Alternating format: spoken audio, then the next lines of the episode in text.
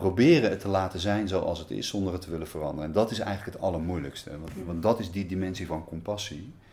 Eh, Wat mij betreft is compassie niet iets wat je kunt doen of wat je kunt sturen, dat is iets wat je bent. Dit is de Braveheart Club. De podcast van happiness en schrijver en angstonderzoeker Rowanne van Voorst, waarin we in gesprek gaan met moedige mensen. Vrije denkers, mensen die tegen de stroom in durven te gaan en die daarvoor kleine en grote angsten overwonnen. Mensen die soms bang waren, maar besloten dat iets anders belangrijker was. Als kind al was Juno Burger gevoelig voor subtiele energie. Dingen die hij voelde, aan mensen of in ruimtes. Eerst vond hij dat maar ingewikkeld en lange tijd sloot hij zich af voor alles dat te voelen was. Tot dat niet meer ging. Later leerde hij met zijn gevoeligheid omgaan op een manier die hem niet belast. Tegenwoordig noemt hij zichzelf energetisch therapeut en dat betekent dat hij zorgt voor energetische reiniging van woningen, bedrijfspanden en personen. Dit kan volgens hem op locatie of zelfs op afstand. Anderen noemen hem energy healer of energetisch reiniger. Hoe we zijn bijzondere beroep ook noemen, vandaag is Juno te gast bij mij, als Braveheart. Juno, jij bent eigenlijk gewoon een soort schoonmaker, heb ik bedacht. Eigenlijk de eigenaar van een schoonmaakbedrijf Ja. op bezoek. Ja, inderdaad. Maar dan een energetisch schoonmaakbedrijf. Ja, En dat is best iets eh, spannends om over na te denken voor heel veel mensen. Ja, eh, ja, dat klopt. Er zit zeker ook een spannende kant aan. En tegelijkertijd is het ook iets wat mensen, eh, zeker als je ze daar een beetje mee helpt, ook gewoon gelijk herkennen. Omdat iedereen daar natuurlijk de hele dag mee te maken heeft. Maar niet iedereen het per se als energetisch ervaart. Nee. Of als een probleem. Maar mensen wel merken dat ze bijvoorbeeld als ze iemand hebben ontmoet, eh, dat ze heel moe zijn, weet je wel. En zich dan afvragen, goh, wat, wat is er nou eigenlijk gebeurd? Eh, en dat voorbeeld wat ik vaak geef over dat je een ruimte binnenkomt waar net twee mensen ruzie hebben gehad en dat je dat voelt, dat is echt iets wat iedereen kent. En dat zegt eigenlijk alles. Dus dat zegt dat mensen iets meemaken in hun leven en daar op een bepaalde manier mee omgaan. Eh, en dat dat dus een effect heeft Ja. op jezelf, iets wat je ervaart als stress. Eh, maar dat je die stress ook uitstraalt of ja, afgeeft aan je ruimte Ja. waar je woont of werkt. Ja, en eh, ik wil het zo heel graag met je hebben over hoe jij mensen helpt om Ja. dat op te ruimen. Of hoe je dat soms zelf doet, zowel uit ruimtes als bij mensen in hun eigen energie. Maar ik vind het eigenlijk nog wel heel erg leuk om eerst wat te weten over hoe ben jij gaan zien dat dit speelde en wanneer durfde je daar echt je beroep van te gaan maken? Ik denk dat ik erachter kwam dat, dat, eh, dat dit gebeurde. Dat was al als jong kind, omdat ik merkte dat, eh, dat ik ja, energieën voelde of zag of wist. Onbewust, denk ik. En hoe het voor mij als kind eh, gewoon werkte, is dat ik mensen ontmoette. Weet je, of het nou de juf of de dokter of mijn ouders was. En A zag, gewoon intuïtief denk ik, of nou ja, eh, ehm, subtiel qua energie, maar dan vaak B hoorde van mensen. Weet je wel? Dus dat je ziet van, oh, iemand eh, heeft het bijvoorbeeld moeilijk of is verdrietig. En je vraagt dan, oh, ben je verdrietig? Nee, nee, gaat allemaal goed, weet je wel. En dat is, zeker als jong kind, tenminste werkte dat voor mij, eh, dat je compassie in de war raakt. Ja, het is heel conflicterend natuurlijk. Dat je echt denkt van, hé, dit is raar. En omdat je natuurlijk dan opgroeit in een wereld waarbij je denkt van, oh, de, de dokter, mijn ouders, de juf of de meester weet het beter. Zet je dat eigenlijk opzij, dat intuïtieve stuk. Ja. Eh, en ga je vervolgens volgens die ja, conventies leven of zo. Dat was, dat was denk ik mijn eerste herinnering aan dat ik merkte, god, dit is raar. Weet je wel, een soort conflict innerlijk met intuïtie. En toen durfde je nog niet, of ik weet niet of dat echt al een durven is, maar je, je vertrouwde op dat moment nog meer op de woorden van de juf en, Ja. en de meester Ja. en je ouders, Ja, dan op je eigen onderbuikgevoel of je eigen... Ja. ja. ja, zeker. Ja, uiteindelijk wel. En dus dat was één ding. En ik denk een ander ding was dat, zeg maar, die instroom van informatie, hè, dus mijn, ik noem dat dan altijd mijn bedrading, zeg maar, weet je, ervoor zorgde dat, zeg maar, dat er zo- zoveel werd gevoeld, dat dat op een gegeven moment te veel was. Dus als je niet leert om daarmee om te gaan met je binnenwereld, dus dat is eigenlijk wat ik mensen nu leer, maar wat ik als kind niet geleerd heb, en denk ik heel veel mensen ook niet leren. Ehm, wat ik dan vaak zie, en heb ik zelf ook gedaan, of mensen sluiten zich af, je neemt een soort wilsbesluit van, nou, dit is allemaal too much, ik wil dit allemaal niet voelen. Ehm, of je bent de hele dag alleen maar aan het reageren, omdat je voortdurend wordt getriggerd. Nou, dat, mijn strategie is dus geweest om mezelf af te sluiten. En dus eigenlijk helemaal niet meer naar dat gevoel te luisteren. En vervolgens gewoon lekker praktisch bezig te zijn. Mhm. Dus naar school te gaan en uiteindelijk te gaan studeren en te gaan werken. En een eh, baan bij een corporate bedrijf te nemen en een leasebak te hebben. Weet je wel, dat soort dingen. Vanuit het idee van, nou, ik ben gewoon lekker bezig. Eh, en dat ging goed tot aan mijn 28ste ongeveer. En toen merkte ik via mijn omgeving, die gewoon letterlijk over mij begonnen te klagen, dat ze geen contact met mij konden maken. Dus er was Mm. geen connectie, zeg maar. Want tot je, even voor mijn beeld dan, tot jouw 28ste, want je, je, je blijft waarschijnlijk toch wel gevoelig. Of zeg je, nou nee, ik voelde, ik voelde allemaal dat soort dingen eigenlijk niet meer zo goed aan. Eh, nou, ik, die, ja, ik kwam er dus later achter dat die gevoeligheid er nog steeds was, alleen volledig op de achtergrond geraakt. En ik denk dat dat is wat, wat er gebeurt als je ergens je aandacht op richt of ergens niet meer op richt, dan verdwijnt het gewoon naar de achtergrond. Ja. Dus mijn focus was denk ik onbewust, maar uiteindelijk ook bewust om van, nou, dit wil ik niet, weet je, ik ga gewoon daarop letten. En dan gebeurt alsnog natuurlijk die hele energetische uitwisseling met het leven gebeurt, alleen totaal onbewust. En je hebt er ook helemaal geen grip op. Dus je bent, ook ik ervaarde daar natuurlijk de symptomen van.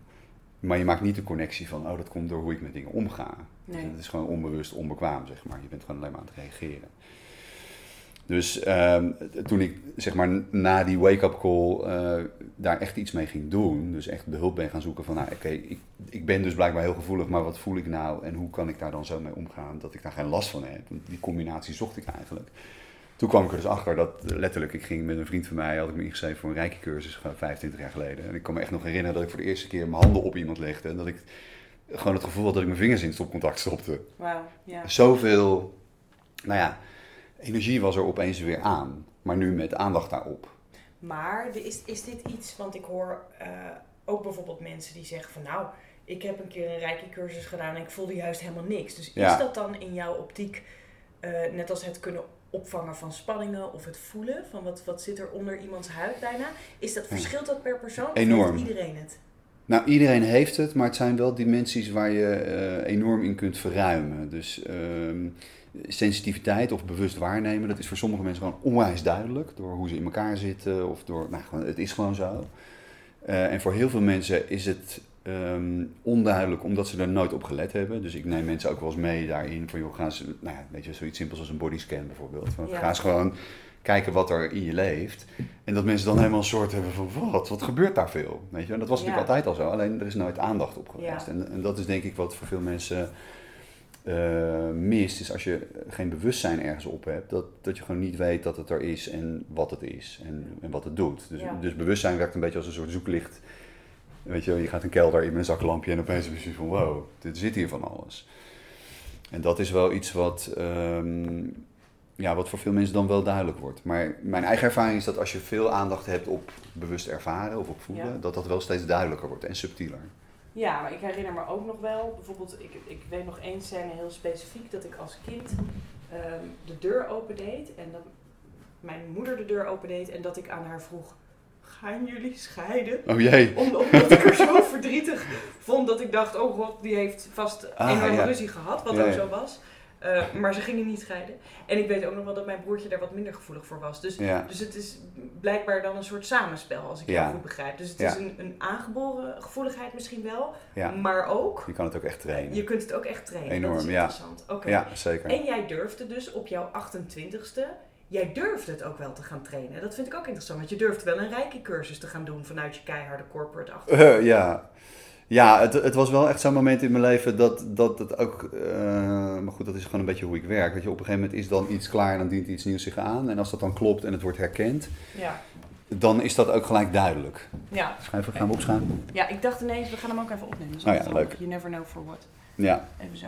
Dit knip ik er wel weer even uit. Dit is namelijk... Oké, het ziet er hartstikke gezellig uit zo. echt hè? Ja. Oké. Ja. Hoppa. Oké, we kunnen gewoon... eh, Ja, dus het het voelde toen niet als moedig of zo hoor, helemaal niet. Het was meer denk ik gewoon een, een keerpunt in mijn leven waarin ik voelde van ja, weet je, dit, dit klopt niet, dit werkt niet meer, eh, maar er moet wel iets anders komen. Dus ja, het, het was eigenlijk vanaf dat moment ook wel gelijk heel erg duidelijk, weet je. Dus toen ik daarmee begon, was van, oh ja, zo, oké, dit is dus, weet je, wat ik een tijd geparkeerd heb en niks mee heb gedaan, maar dat is nog steeds zo aan. Eh, maar nu, ja, weet je wel, meer volwassen en een andere context. En vanuit het idee van, oké, ik wil hiermee leren omgaan. Ja. En dat is eigenlijk het begin geweest van mijn zoektocht. Eh, dus ik, ik heb echt heel veel verschillende wer- energiewerksystemen bestudeerd en lessen gegeven en praktijk ingehad, weet je, dat soort dingen. Ehm, gewoon ook om hem allemaal uit te proberen. Te kijken wat er is en Ja. hoe dat werkt. En toen merkte jij, want ik maakte een grapje toen je binnenkwam van, oh je bent een, je bent een eh, schoonmaakbedrijf, je bent een energetic cleaner, Ja, energetisch schoonmaker. ja. Er staat soms ook, als je jou opzoekt, eh, energetisch healer. Wat vind je zelf prettig om, om, om jezelf te beschrijven? Wat doe jij? Nou ja, eigenlijk geen van beide. Omdat, eh, en dat is een beetje de, de, eh, de paradox of zo van, van deze manier van leven. Omdat, en dat is ook een beetje hoe het in mijn leven is gegaan. Ik ben dus in eerste instantie voor mezelf op zoek gegaan naar een manier om om te gaan met, ja, met die gevoeligheid. Maar ook met dat enorme eh, spectrum van energie die je op een dag voelt. En dat is natuurlijk een beetje met de mensen die je ontmoet, de plekken waar je komt, je huis, constellaties waar je in verbonden bent. Dat is een mega bandbreedte is dat.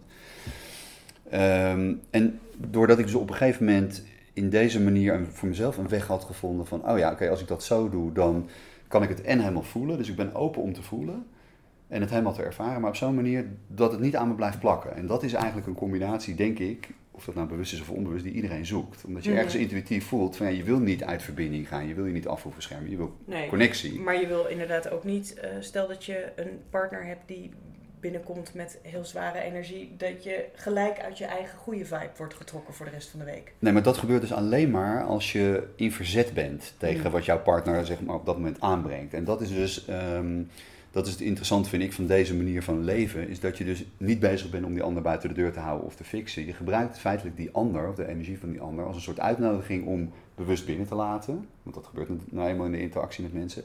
Maar eigenlijk in eerste instantie om te onderzoeken hoe jouw systeem daarop reageert. Mm. En dat is voor een deel bewust, voor een heel klein deel en voor het grootste deel onbewust. En daar kom je dus achter als je zeg maar meer connectie hebt met je binnenwereld, dan, dan zie je dus opeens van, oh, mijn partner komt binnen en die is onwijs boos. En mijn reactie is verkramping. Want dat is hoe mijn systeem geleerd heeft om met boosheid om te gaan. Mhm. Op basis van, nou, kan je eigen levenservaring zijn, maar dat kan ook in je familielijn zitten of vorige levens of genetisch, whatever. Dat is gewoon een reactie. Ja. En waar, waar het dan hier om gaat, in ieder geval in de manier waar ik op leef, is dat je die, die samenkomst van die twee dingen, dus die boosheid die je oppikt van je partner en jouw verkrampte reactie daarop, dat je die waarneemt, maar ook helemaal laat zijn. Ja. En dat zijn twee dingen die eigenlijk heel, nou ja, bijna onlogisch zijn voor mensen om te doen. Omdat als je iets voelt wat heel onprettig is, dan is je eerste reactie van, nou, ik wil dit niet voelen. Niet Mm. van, oh, daar ga ik even naartoe bewegen, dat ga ik even helemaal ervaren. Nee, dat, juist maar. niet. Ga weg met je boosheid. Nou, dat. Ja. En het laten zijn, dus het laten bestaan zoals het is, zonder het te willen veranderen. Ja. Dat is ook iets heel onlogisch voor mensen. Omdat mensen Ja. zoiets hebben van, het is zo relaxed, ik moet hier zo snel mogelijk vanaf. Of, Mhm. als het heel fijn is, dat je het zo lang mogelijk wil vasthouden. Wil ik. Dat is het energetisch hetzelfde Ja. probleem. Ja. Ehm, en dat is, dus, dat is dus interessant als je kijkt naar hoe we eigenlijk spanning opbouwen. Dat komt dus omdat je dingen persoonlijk neemt, omdat je wil begrijpen wat die dingen zijn en je wil het fixen. Zo noem ik dat dan, je wil het oplossen.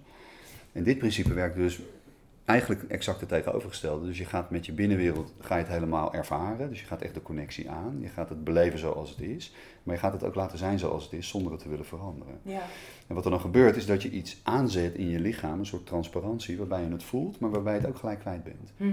En dat is natuurlijk prima. Dan kom je dus achter dat je lichaam gewoon gemaakt is, of je hele systeem gemaakt is, om het leven te ervaren, maar niet om er last van te hebben. Ja. En het aparte is dus dat als je dat doet en je, en je wordt zelf op die manier lichter, eh, ruimer, transparanter, meer compassievol, harmonieuzer, meer balans, dat, dat is allemaal het effect daarvan. Is dat je omgeving daar direct op reageert. Hmm. Dus je wordt een soort levende uitnodiging voor je omgeving om die spanning die om je heen is, bijvoorbeeld in dat voorbeeld wat jij net geeft van iemand anders, om die spanning de kans te geven om te ontladen. Dus iets wat mensen zelf niet kunnen door hoe ze omgaan met die lading ben jij dus in dat samenkomen van die twee mensen, ben jij een punt geworden, energetisch gezien, waarbij die spanning van jouw boze partner naar jou toe kan bewegen en via jou ontlaat. Hm. Dus je bent niet bezig, het is eigenlijk een soort per ongeluk bijeffect, dat, iemand anders, dat je iemand anders cleart, zeg maar, of dat een ruimte gecleared zou worden, ehm, van het feit dat jij dus bewust in die ruimte bent. Ik snap het, denk ik, een beetje. Maar ik zit nu ook te denken aan eh, als je jou ziet werken met een persoon, bijvoorbeeld, dan kun je ook zien dat jij achter diegene bent of om die, vlakbij diegene bent. Ja. En dat je ehm, dingen voelt of oppakt. Of dat kan je zien aan je, ge- aan je gezicht. En je maakt Ja. soms ook er geluid bij en dat soort dingen. Dus dan lijkt het wel voor mij, dat is mijn interpretatie, dat je zeg maar, die energie bijna uit iemand door jezelf laat stromen.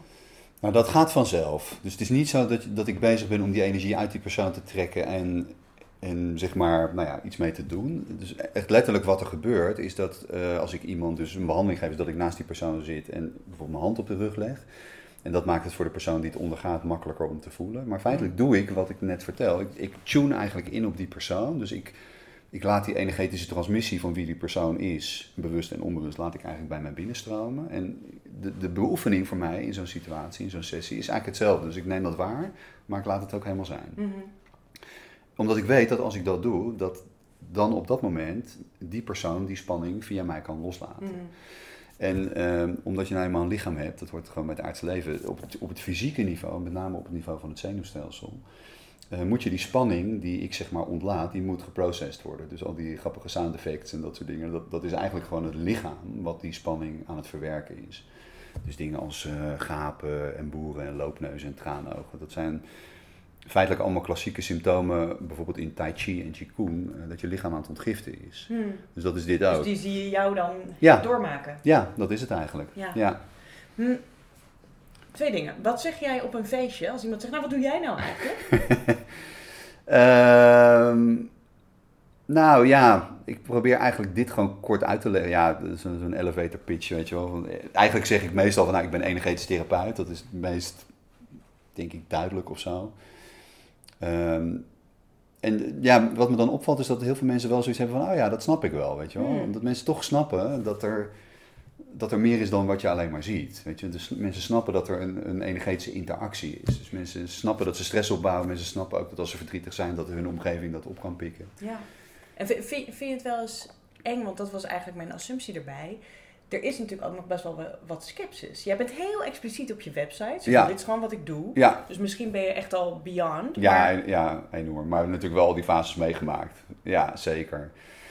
Ehm, Dat je dacht, ik ga dit nu aan mijn partner vertellen of aan mijn ouders. Van joh, eigenlijk ben ik dit tegenwoordig aan het doen. Ja, nou daar, daar kwam niet zo heel veel verzet vandaan. Maar kijk, weet je, in mijn praktijk en in mijn werkende leven komen natuurlijk mensen naar mij toe omdat ze het gevoel hebben dat ze er iets mee kunnen. Dus daar, Precies. die zijn de sceptisch voorbij, Ja. zeg maar. Eh, en ik ben niet iemand die eh, als de clearing inquisitie bij mensen aan gaat kloppen eh, om ze, om ze te redden. Maar tuurlijk, het komt zeker voor. Weet je, ik zat bijvoorbeeld laatst in de auto met de moeder van een vriendinnetje die we op gingen halen van een feestje. En die zei Moeder van een vriendinnetje van jouw dochter. van mijn dochter, ja. En die zei dus van, goh, en wat doe jij, weet je wel? En nou, dus ik vertelde dat. En die barstte gewoon echt in lachen uit. Die, echt zo, die zei, geloof je daarin, zei ze. Maar ik vond haar reactie zo goed. Zo onaangepast eigenlijk. Ja, gewoon wel oprecht of zo. Totaal, heel eerlijk. Was gewoon helemaal geen onderdeel van haar wereld. En Nee. dat hoeft ook helemaal niet. Nee. Weet je, dat is helemaal prima. En dan voel je je niet ehm, Nee, alsof je dat moet verdedigen. nee helemaal niet. Nee? Nee, helemaal niet. Hm. Nee. Omdat het misschien voor jou zo echt voelt. Of... Ja, voor mij is het, weet je, het is gewoon wie ik ben. Ja. En eh, ja, als iemand anders daar iets mee heeft, hartstikke leuk. Maar als iemand daar niks mee heeft, ook prima, weet je Ja. wel. Dat hoeft ook helemaal niet. Nee. Dus dat is echt oké. Ik zei net twee dingen, want ik moest denken aan hoe, hoe stel je jezelf voor en, en vind je dat spannend? Maar eigenlijk was mijn vraag daarachter. Stel dat je dat staat te doen bij iemand of in een ruimte, daar gaan we het zo ook nog eventjes over hebben, hoe dat dan werkt in ruimtes. Vind je dat wel eens spannend? Of is het wel eens, je kan me voorstellen dat je ook wat donkerdere dingen binnen kunt krijgen of kunt ervaren? Alleen maar. Ik bedoel, mijn hele leven en mijn werk gaat over het omarmen van de dark side. Van de Mm. schaduw. Juist dat, zeg maar. Ehm, ja, nou ja, nee, ik vind het niet spannend of eng. Ik heb wel echt op de meest bizarre plekken gewerkt waar allemaal hele heftige dingen zijn gebeurd. En die voel ik ook. En die zie ik soms ook. Maar ja, ik denk omdat, omdat ik gewoon weet hoe ik daarmee om moet gaan, dat ja, voor mij, it's just stuff. Snap je? Zo zie ik het. Het is gewoon energie. Dus ik, er zijn geen situaties in ruimtes waarvan ik denk van wow, dit is echt te veel of te eng of te dark. Of... Want dan, dan nodigen mensen jou uit om te komen naar een ruimte waarvan ze zeggen, hier hangt een vreemde sfeer? Of ik word hier Dat- moe? Ja, dat kan, dat mensen het zelf opmerken. Dat gebeurt vaak. Na een verhuizing bijvoorbeeld valt dat heel erg op. Maar het zijn ook heel vaak hele praktische dingen. Eh, de kinderen slapen niet. Of eh, het licht knippert, weet je wel. Dat soort dingen. Of ehm, ja, het zijn eigenlijk vaak meer symptomen. Van, ah, elke keer als ik thuis kom ben ik zo moe, weet je wel. Mhm. Als ik naar mijn werk ga ben ik opgeladen, heb ik energie, heb ik zin in dingen. En dan kom ik thuis en dan stroomt het helemaal weg. De meeste mensen, ik denk 80%, merken het via symptomen. Dat er bepaalde dingen in hun leven niet lekker gaan. Ehm, maar het duurt vaak heel lang, zeker hier in het Westen, voordat mensen die symptomen koppelen aan, oh, misschien zou dit iets met het huis te maken kunnen hebben. En dat is natuurlijk het complexe, er gebeurt, er gebeurt heel veel tegelijkertijd. En het huis is daar één ding van. Ja. En dat kan een enorme invloed zijn, maar het kan ook helemaal niks ermee te maken hebben. Dus het, het is vaak voor mensen ook een beetje een proces van uitsluiten. Weet je, als mensen zeggen, ja, ik ben moe. Ja, weet je, dat kan ook komen omdat ze te hard werken of omdat ze niet goed eten of Ja. een miljoen dingen, weet je. Dus het is vaak ook een beetje een lijstje van, nou, misschien ligt het hier aan, misschien ligt het hier ja. aan. En dan kom jij misschien op, op nummer 5, zeg maar van, hm, toch eens kijken of het aan de ruimte zelf ligt. Ja, meestal onderaan. Ja, dat, duurt, dat duurt echt lang. Als, als het niet onderdeel is van mensen hun context, snap je? Ja. Als je, niet door, als je niet weet of je beseft dat er energieën in huizen zijn die iets met het huis doen of waar je last van kan hebben, Ja, even checken of deze nog loopt hoor. ja, dan, ehm, dan, dan kom je daar niet op. Maar het, zijn ook, weet je, het gaat ook vaak via andere mensen. Dat mensen zeggen, ja, weet je wel, mijn kind slaapt zo slecht. En dat we dan op een feestje horen van, nou, dan moet je even iemand naar je huis, naar de energie van je huis laten kijken. Wat? Bestaat dat, weet je? Ja. Dat hoor je natuurlijk vaak. Maar je hebt ook echt genoeg mensen die gewoon dat echt opmerken. Die zeggen, ja, er is een kamer waar het niet lekker voelt. Of, Hm. of het is donker, of het is koud. Of eh, heel vaak zijn het echt de kinderen, weet je. Dat kinderen gewoon dingen zien. Of, nou ja, je hebt echt allerlei gekke dingen in huizen. Ja, want, Ja. want kun je daar eens gewoon om het wat concreter te maken voor me, kun je daar eens een voorbeeld van geven? Zonder dat nou heel, eh, zonder dat je allemaal dingen weggeeft die je misschien niet mag vertellen, maar gewoon zo de, twee voorbeeldjes Ja. van dingen die je dan vindt of meemaakt of ziet. En ook leg eens uit als je wil wat je dan voelt of Ja. ziet of ervaart. Nou, een voorbeeld wat, wat heel, heel duidelijk denk ik illustreert hoe het kan werken, is dat eh, een paar jaar geleden ging ik een huis kleren in, eh, in Amersfoort of in eh, Aardehout. En daar was een vrouw gaan wonen met twee kinderen. Die waren net gescheiden en die gingen naar een nieuw huis.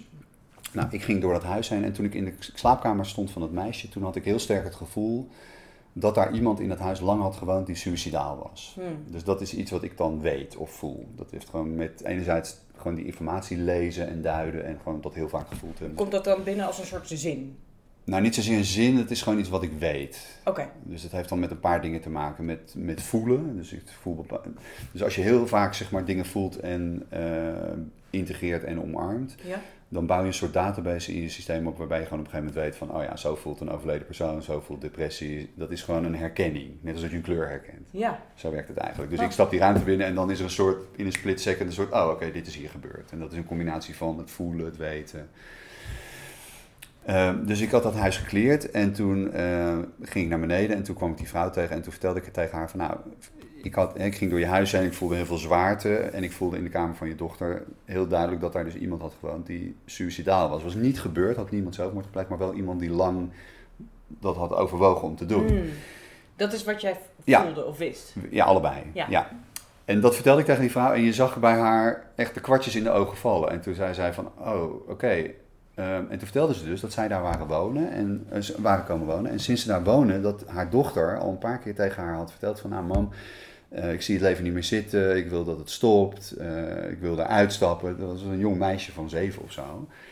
En zij waren dus met hun dochter naar de psycholoog geweest en naar de psychiater. Dat kind was helemaal binnenstebuiten gekeerd om te kijken van oké, waar komt dit opeens vandaan? Niks gevonden, was ook helemaal geen aanleiding in het leven van dat meisje.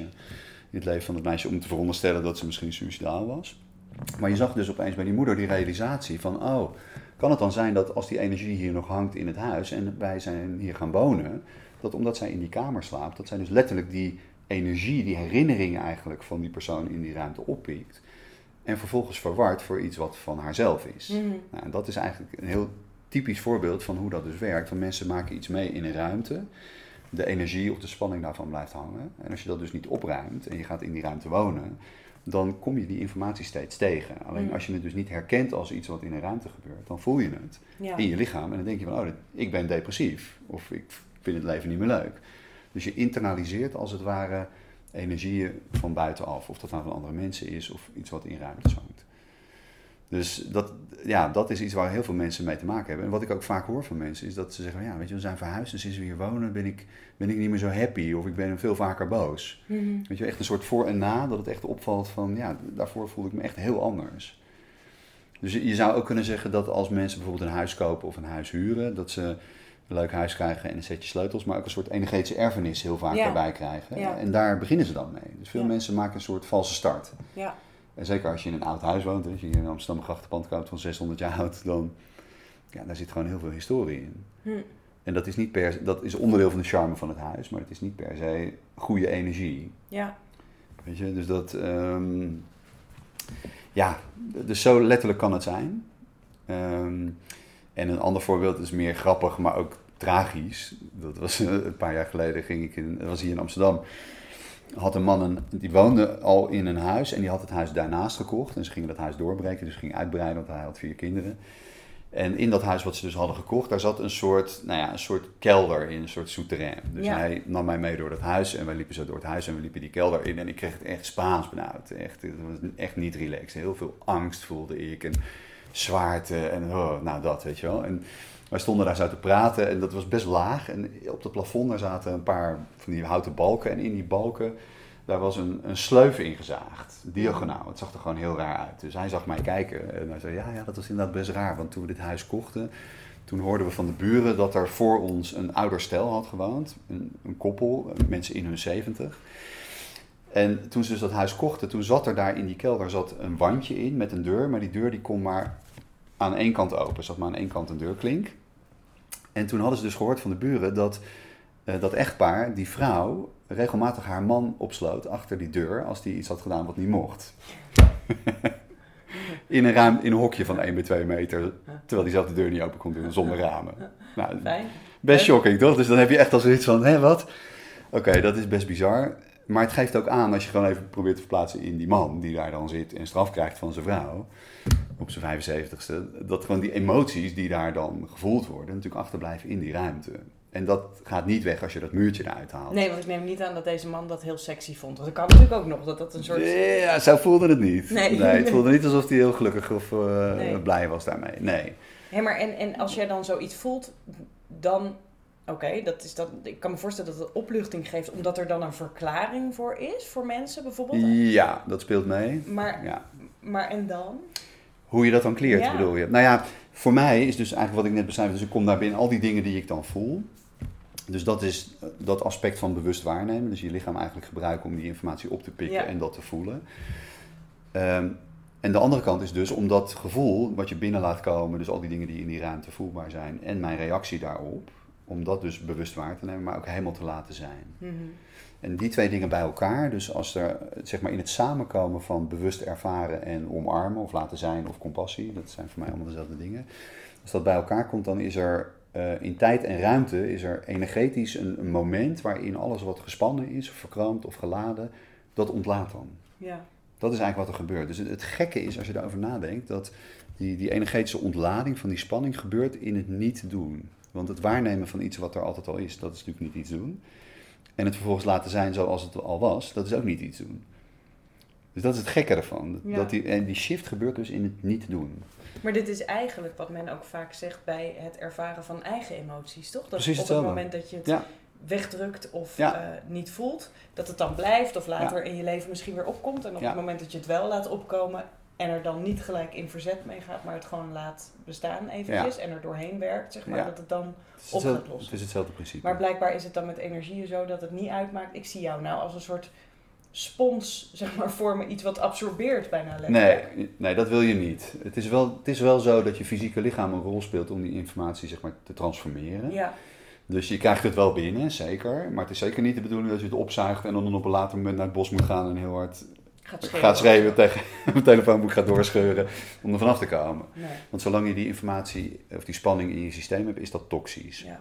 Je lichaam wil dat niet. En je lichaam is ook gemaakt om juist eigenlijk dat niet te doen. Dus Hmm. juist om het te ervaren, maar ook gelijk kwijt te zijn. ja. Alleen daarvoor moeten die twee dingen dus samenkomen. Dus Ja. je moet het en bewust ervaren en je moet het helemaal kunnen omarmen. En als die twee dingen volledig zijn, dan, nou ja, wat ik net zei, dan activeer je als het ware een soort systeem in je lichaam waarbij je het dus helemaal ervaart. Die ervaring ook echt integreert, waardoor je er de volgende keer ook geen last van hebt. Mhm. Maar het is ook gelijk weg. Mhm. Dat is ook onderzocht, dat fenomeen. Dus ze hebben, laten, ze hebben ontdekt dat als je dat op die manier doet, dat je lichaam ongeveer anderhalf minuut nodig heeft om de hele fysiologische reactie van bijvoorbeeld het voelen van angst. Hè, want Ja. het is een hele duidelijke respons zeg maar, in je lijf. Dat kan je zien aan je hartslag en je hersenactiviteit en je ademhaling en allemaal chemicaliën in je bloed. Eh, maar als dat dus ervaren wordt en die angst wordt ervaren, maar het is ook duidelijk van oké, dit is wat er nu gebeurt. Er wordt angst gevoeld, het is niet van mij, ik hoef het niet te begrijpen en op te lossen. Dat na 90 seconden er in je lichaam dus blijkbaar niks meer te zien is van dat je angst hebt gevoeld. Ja. Dus ergens ja, kom je er dan dus achter dat je systeem helemaal gemaakt is om dat te doen. Ja, En- behalve als je inderdaad die angst gaat voeden, wat we vaak natuurlijk onbewust doen, Ja. door er allerlei gedachten aan te koppelen. Ja, om maar eigenlijk om, om, om opnieuw weer levend te houden. ja, dat is dus een vorm van verzet. Dus Ja. daar, dan, je kan er dus achter komen dat als je denkt van, oh, dat klinkt goed, eh, goed idee, dat ga ik, eh, ga ik doen. Dat je dus die angst binnen laat komen, dat je dat wil laten zijn. Maar dat dus ergens in dat proces van laten zijn, dat je erachter komt, van, oh, oké, nu lukt het niet meer. En Dus als je ge- geconfronteerd wordt met 100% spanning, kan het zijn dat je beschikbaarheid of je vermogen om te laten zijn misschien maar 50% is. En die spanning kun je ontladen. En daarna ga je dus weer in een oude reactie. Ja. Of je verkrampt, of je gaat erover nadenken, ga je iets doen om het te fixen. ja. En dan bouwt die spanning weer op. Dus het ene bouwt spanning op, het persoonlijk nemen, het willen begrijpen en het oplossen. Dat is eigenlijk hetgene wat spanning toevoegt aan ervaring. Mhm. En het dus helemaal ervaren en niet persoonlijk nemen en laten zijn zoals het is.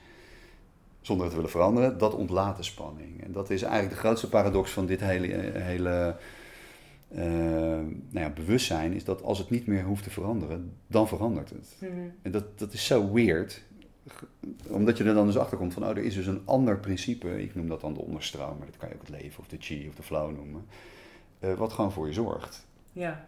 Maar je moet daar, je moet daar ruimte voor maken. En Ja. dat, het gekke is, dat doe je dus door jezelf uit de weg te gaan. En als dan die onderstroom weer de ruimte krijgt, dan zie je dus dat, nou ja, wat flow ervaringen gewoon zijn. Weet je, dat het makkelijk gaat en dat het op het goede moment gebeurt. En dat het energie oplevert en dat het Ja. helder is. Dus ja, dat is dan opeens heel obvious, weet je Ja. wel. En dan hoef je niet meer zo hard je best te doen om het allemaal te controleren of een bepaalde richting op eh, te krijgen. Of heel hard na te denken, van, ik nou doen, weet je wel. Mhm. Want dat is eigenlijk heel begrensd. Ja. Dus je, je boort op het moment dat je omarmt en, en bewust ervaart, boor je als het ware een andere bron van intelligentie aan. Die geef je dan bewuste ruimte. ja. Ja. En als we het daarover hebben, ehm,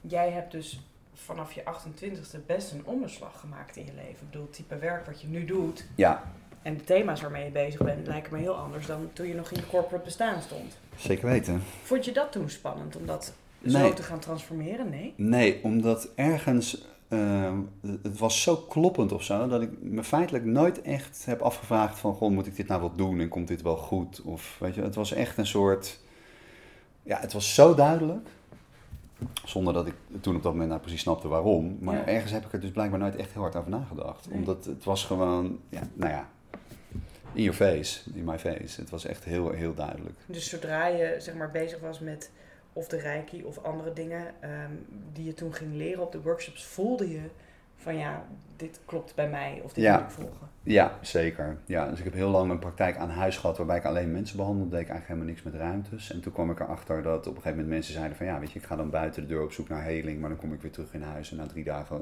voel ik me weer hetzelfde als Hmm. eh, daarvoor. Dat is eh, interessant. En toen ben ik dus veel meer gaan kijken naar wat is nou eigenlijk de, de relatie tussen mensen en ruimtes en hoe beïnvloeden die elkaar. En dat was een soort ja, verruiming van, oh ja, je moet eigenlijk naar allebei kijken. Ja, Weet je wel, want je werkt natuurlijk op een plek, je woont op een plek. Dus je moet eigenlijk al die plekken harmoniseren. ja, Ehm, maar met name het bewustzijn dat je dus, of, of laat ik het zo zeggen, dat je eigen bewustzijn in die ruimte heel bepalend is voor hoe die ruimte is, energetisch. ja, Dus als er veel conflict is in jezelf, of disharmonie of onbalans in jezelf, of bijvoorbeeld in een relatie, dan laat die ruimte dat zien. En omgekeerd ook, als je lekker in je vel zit, je bent verliefd en je bent helemaal happy en gelukkig en alles gaat goed, dan is die ruimte ook oh, meer ontspannen. En dat, als je er zo naar kijkt, dan is dat ook een hele fijne plek om te staan. Want je realiseert je dan eigenlijk dat je gewoon een schepper bent, zo kijk ik althans naar het leven, van je eigen werkelijkheid, van moment tot moment. ja, Letterlijk. Alleen wij zijn helemaal niet opgevoed met dat idee. Je, wij kijken naar het leven als van, oh ja, dingen overkomen je, je bent het slachtoffer ergens van, of weet je, mensen doen je dingen aan. En dat is een hele ontkrachte plek om te staan. Dat je zoiets hebt van, ja, ik zie helemaal niet wat mijn, wat mijn aandeel of mijn bijdrage daaraan is. Terwijl als je je realiseert van, hé, hey, dit, wat ik hier in mijn buitenwereld zie, de mensen waarmee ik omga, de situaties waar ik in zit, dat is wie ik ben. Dat is ook confronterend natuurlijk, want als dingen niet zo lekker gaan, dan denk ik, oh, oké, als, als ik dit dus ben, dan, ja, dan is dat dus ook een onderdeel van mij. Maar tegelijkertijd helpt je dat, omdat je dan ook inziet van, hé, er moet dus iets in mijn onderbewustzijn zijn wat dit creëert, wat ik nog niet weet. ja, Dus op een hele mooie manier laat het leven je denk ik ook via je buitenwereld zien eh, dat er nog dingen zijn die niet bewust zijn, of die nog niet aangekeken zijn, of die nog niet omarmd zijn. Dus het gaat in essentie heel erg over van hoe verschuif je van de, de plek van een onbewuste, onbekwame schepper van je eigen werkelijkheid naar een bewuste en bekwame schepper. Mhm. Dat, wat ik net vertel over hoe ik dat doe, dat helpt daarbij. Ja. Omdat je dus juist die dingen die in het 95% onbewuste stuk van je bewustzijn leven, die ga je juist hiermee opzoeken. Dus daarom is het ook echt schaduwwerk. Dus er is ook zeker in het begin een beetje moed voor nodig. Omdat Ja, dat mensen zoiets hebben van ja, ik wil, ik wil eigenlijk al die dingen niet voelen, weet je wel. Ik vind het van andere mensen al relaxed om te voelen, maar ik weet ook... Kijk, ergens weet je natuurlijk waar, dat je ergens, als je een trauma hebt meegemaakt, dan weet je dat dat ergens zit. Want je hebt het meegemaakt. Eh, dus ja, dat is niet heel uitnodigend om dat op te zoeken. Zeker als je niet de, de juiste skills hebt of je weet niet wat je ermee moet. Dan ga je toch denken, nou ja, laat maar, weet je, ik leef daar wel omheen. Of, maar alles in je leven leeft daar dan omheen. Dus je kiest een partner die je niet te veel triggert. En je hebt een baan die je daar niet te veel uitdaagt. Maar dat gaat maar zo lang goed. Mhm.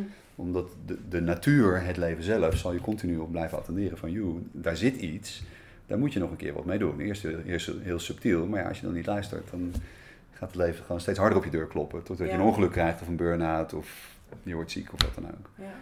Dus ja, beter eerder dan later. Ben jij toen je jezelf weer wat meer ging, ehm, nou, eigenlijk toelaten om, om dingen te mogen voelen Mm. of, of dat zelfs een beetje op te zoeken, kwam jij toen veel dingen tegen waarvan je dacht, nou, hier heb ik eigenlijk helemaal geen zin in nu? Ehm, ja, jawel hoor. Zeker. Alleen ik kwam erachter dat, ehm, dat doordat ik dus een tool had om daarmee om te gaan, Mm. dat het dan in het moment zelf, het, het gevoel wordt dan niet prettiger of zo. Dus het is niet als je het gaat omarmen dat opeens bijvoorbeeld verdriet of zo, opeens, oh, dat is een fijn gevoel. Helemaal niet juist. Het zou wel lekker zijn. Ja, maar dat eigenlijk niet ook Mm. Omdat het, dat toch weer een soort vorm van maskeren is misschien, die dan iets wat niet fijn is om te voelen. Mhm. Gewoon dan toch weer een soort bedekt met een soort sugarcoating en is het opeens weer leuk. Ja, en het voordeel is natuurlijk het contrast. Dus als je dat kan voelen, dan heb je ook momenten waarop je dat heel duidelijk niet voelt. En dat is fijn om dat verschil te kunnen voelen. Hè, dus als Ja. ik in een ruimte ben waar ik dat helemaal niet voel, of in een relatie waarin ik dat niet ervaar, of met een plek met mezelf, dan is het wel Ja, fijn om te kunnen voelen, oh wauw, ik voel nu echt Ja. dat alles stroomt. zeker. En tegelijkertijd, als je dat heel lang doet, zoals ik bijvoorbeeld dan, dan, dan verlies je ook een beetje je voorkeur voor dat soort dingen. Mm, mm, mm. Snap je? Dus het- als, er dan, als je dan ergens op een plek, laatst is een vriend van mij overleden en nou, dan was ik op een begrafenis en natuurlijk is daar dan heel veel verdriet. Maar ik voel dan niet van, oh weet je, dat is iets wat ik niet mag voelen nu of zo. Daar is dan, voelt dan ook echt dat daar ruimte voor is. Maar in het voelen daarvan is dat verdriet wel heel rauw en heel heftig. Omdat Ja. het, het is ongecensureerd zou je kunnen Mhm. zeggen. Het is eigenlijk niet gefilterd. Omdat, weet, er is ruimte voor en tegelijkertijd terwijl ik het voel, weet ik ook van oké, het enige wat hier nu gebeurt is, er wordt intens verdriet gevoeld. Ik ben niet een verdrietige persoon, het is niet mijn verdriet. Ik voel gewoon nu verdriet, omdat een goede vriend van me is overleden. En ik ben op een begrafenis. Ja. En dat helpt mij dus om die ervaring helemaal te hebben. Maar ook als ik daarvan wegga, dat dat dan oh, weet je, niet aan me blijft plakken. En dat ik niet nog een half jaar bezig ben om dat verdriet een plek te geven. Ja. ja, ik vraag altijd aan mijn eh, gasten wat voor hun moed is. Dus misschien is het dan wel ook de donkere kanten. Hoe zou jij het definiëren? Wat moed is, Ja, wat is moedig zijn? Nou, ik, ik vind mensen die bewust hun dark side opzoeken, eh, dat is, daar is echt wel moed voor nodig. Ja. Ja, afhankelijk van wat je hebt meegemaakt. Want er zijn natuurlijk, nou ja, ik noemde net al echt dat voorbeeld van wat mensen elkaar aandoen. En ja, weet je, er zijn natuurlijk gewoon hele heftige dingen eh, die gebeuren. En omdat, hè, als je echt een, een- echt een trauma hebt meegemaakt, wat dat dan ook is, eh, en je gaat, dat, je gaat dat blootleggen, je gaat daar naartoe en je gaat dat, die deksel van die put halen en je gaat dat voelen, eh, dat is echt wel hardcore, vind ik. En, en Ja. stel nou dat eh, er iemand zit te luisteren en die denkt, ja, ik, ik voel gewoon aan dit gesprek, er klopt iets aan, ik moet daar misschien ook wel iets mee, ik voel me uitgeput of ik voel me Hmm. vaak...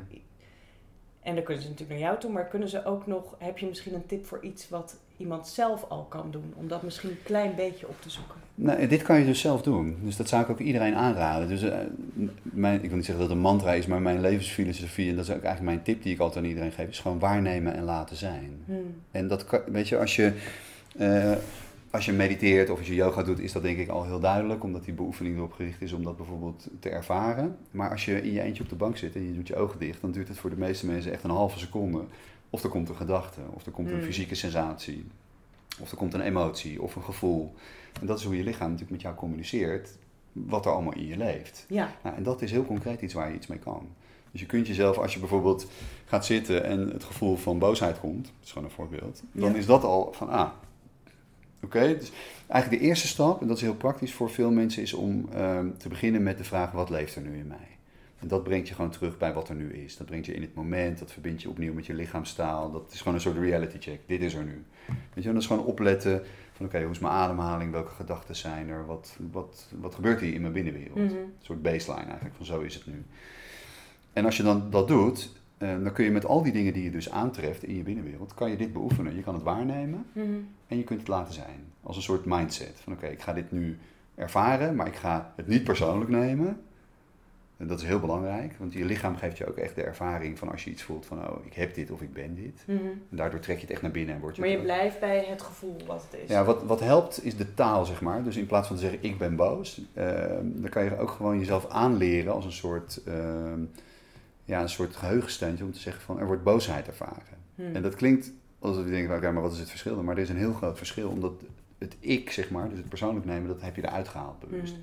Dus wat je dan doet is een hele feitelijke beschrijving van wat er op dat moment gebeurt. Er wordt boosheid gevoeld. Niet Ja. ik ben boos of het is Nee. mijn boosheid. Het Ja. is gewoon iets wat op dit moment via het lichaam wordt ervaren. Dus Ja. dat helpt in de taal. En dan om dus bewust niet in het verhaal te gaan. Hè. Dus heel veel mensen die hebben zoiets van, oh, ik zit weer in dat oude verhaal van gedachten en zo. En om dus het bewust het verhaal te stoppen. Mhm. Dus echt, zeker als dat moeilijk is en er zijn heel veel gedachten of je, je zit heel snel in een oude trip. Om gewoon een wilsbesluit te maken van oké, ik stop hier het verhaal. En desnoods shift je gewoon even je aandacht. Ga je Ja. gewoon even eh, tv kijken of je Ja. gaat even lekker naar buiten. Weet je, even eruit zeg maar. Dus dat is het tweede ding. Dus niet persoonlijk nemen, niet in het verhaal gaan. En proberen het te laten zijn zoals het is zonder het te willen veranderen. En dat is eigenlijk het allermoeilijkste. Want, want dat is die dimensie van compassie. Eh, Wat mij betreft is compassie niet iets wat je kunt doen of wat je kunt sturen. Dat is iets wat je bent. In deze beoefening kom je er dus achter dat je misschien denkt van... oh nee, ik ben helemaal relaxed en neutraal hierin. En dan ga je het voelen en denk ik... "Oh, ik ben het nu aan het voelen, maar ik verkramp helemaal. Ik Ja. word toch boos. En dan merk je dus dat je compassie eigenlijk begrensd is op dat moment. Mhm. Maar dat geeft niet. Dat is gewoon wie je bent op dat moment. Dus de Ja. aanvaarding van, nou, dit is wat ik nu kan doen, of wie ik nu kan zijn. That's it. En als dat dan allemaal bij elkaar komt, dan is er dus tot de mate waarin je het kunt laten zijn, is er de mogelijkheid om oh, die spanning uit je systeem te laten. Dus dat is super praktisch eigenlijk. Heel simpel, heel Ja. direct. Je werkt Ja. gewoon met wat er nu is. Maar daarvoor moet je natuurlijk wel eerst even hier contact mee maken. Wat is er eigenlijk? Ja. Omdat de meeste mensen die veel spanning hebben, die worden in die spanning aangeraakt en zijn juist door die trigger met hun aandacht of in het verleden of in de toekomst. En dan is het heel moeilijk om dit te doen, want je bent eigenlijk niet thuis. Dus stap 1 is voor de meeste mensen, wat leeft er nu in me om weer terug te komen hier? Van, oh, zo, er gebeurt eigenlijk best veel. En om gewoon jezelf te leren om dat op te merken zonder het persoonlijk te nemen, zonder het uit te zoeken van wie het is en waarom en wat het betekent en wanneer het begonnen is. Al die dingen. En dan iets te doen om het te gaan fixen Ja. omdat je er juist in het laten zijn achterkomt, dat je niks hoeft te fixen. Het, wordt, het laat jou los. En dan draagt het leven, de onderstroom of de chi of de flow, draagt gewoon een hele natuurlijke en bijna logische oplossing aan. Van, oh ja, oké, natuurlijk, dat moet ik doen. Ja. En dat is vaak heel iets, dat hoor ik dan ook van mensen. Het is vaak echt heel iets anders dan wat ik zelf dacht wat ik moest doen. Ja. Dat is zo leuk daaraan ook. Het is op een bepaalde manier heel verrassend. Ja, en ik, ik heb wel een laatste vraag. Want ik kan me voorstellen dat mensen zitten te luisteren ehm, en denken: ja, ik zou dat wel graag willen, maar bijvoorbeeld, wat doe je met kinderen? Want voor een volwassene kan ik me voorstellen dat je denkt: nou, ik wil die, die donkere kant ook wel Ja. proberen te omarmen of voelen of doorleven of daarbij blijven. Maar wat doe je als je merkt dat je kind eigenlijk onrustig of verdrietig is en je wil daar toch iets mee? Ja. Mag je dit met kinderen ook doen? Ja, zeker. Ehm, eigenlijk werkt het precies hetzelfde, omdat. ehm, en het helpt eigenlijk juist als het je eigen kind is, omdat eh, die, die factor compassie, dus de onvoorwaardelijke liefde, eh, is natuurlijk iets vanzelfsprekender als je kinderen hebt, voor je kinderen, hopelijk. Ehm, en het mooie van compassie is dat het is eh, universeel uitwisselbaar. Dus het maakt niet uit wie omarmt. Dus als een kind heel boos is of verdrietig of Hmm. heeft pijn, betekent dat niet dat dat kind dat zelf moet omarmen voordat het opgelost kan worden. Dus als er iemand in de nabijheid van het kind is, bijvoorbeeld een ouder, en die kan intunen op dat kind en dat onverwerkte stuk emotie of verdriet of boosheid binnen laten komen en omarmen, tot de Mhm. mate waarin die ouder dat kan, dan is die ouder dus opeens beschikbaar om die spanning die dat kind niet los kan laten zelf, naar zich toe te laten komen en te ontladen via het lichaam van de ouder. Dus je nodigt dan wel het kind uit om te voelen en om te blijven bij dat gevoel.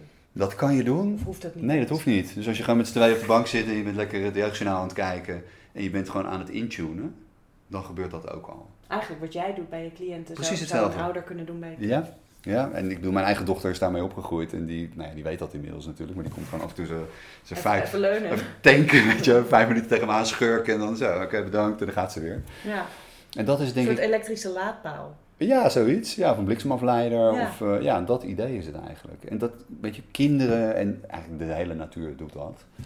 Alleen omdat wij natuurlijk ja, dat niet bewust doen als mensen, zijn we dat een beetje verleerd. Hm. Terwijl, ja, het is eigenlijk heel logisch om te doen. Omdat je die, die interactie, die uitwisseling energetisch tussen mensen, die maak je dan heel bewust. Ja, Dus je wordt je dan bewust van, ah oké, dus ik pik niet alleen die energie van mijn kind op, maar ja, veel ouders die zeggen dat ook, weet je wel. Ik ben zelf natuurlijk ook vader. En dan als je, als je vader wordt of moeder, dan zeg je, ja, oké, wat, wat, wat mijn ouders hebben gedaan of wat ik in mijn jeugd heb meegemaakt, dat ga ik nooit aan mijn kinderen meegeven. Dat is een leuk idee natuurlijk, maar als dat nog onderdeel is van wie je bent, energetisch, dan reageer je toch zo. Ja, Ja. precies. Dus weet je, dat komen ouders natuurlijk tegen van, oh ja, natuurlijk wil ik mijn kind omarmen, maar dan is het kind weet je, irritant, omdat hij boos is. En dan worden die ouders ook boos. En dan komen ze dus achter van, shit, ik wil niet boos worden, maar ik, ik word het wel. Dus dat komt samen. Dus ze Ja. pikken die energie op van het kind. En er is nog een onbewuste reactie die ze nog niet hebben geheeld in Ja. zichzelf. En dat komt bij elkaar. Dat komt altijd bij elkaar als twee mensen elkaar ontmoeten. En dan is de vraag dus, wie is daar beschikbaar voor? Voor die mix aan spanning om dat te voelen en te omarmen. Maar ja, kinderen vinden het helemaal gek. Mooi. Die snappen het gewoon. Ja, Ja, we gaan het oefenen. leuk. Dankjewel. Jij ook. Dit was de Braveheart Club van schrijver en onderzoeker Rowanne van Voorst in samenwerking met Happiness. Met deze keer te gast Juno Burger. Wil je meer lezen over Juno? Kijk dan even op happiness met een z.nl slash braveheart. Daar vind je de podcastnotities met het linkje naar zijn website erbij. En wil je meer Bravehearts horen over de thema's moed, hoop, angst en de levensinzichten die daarbij horen?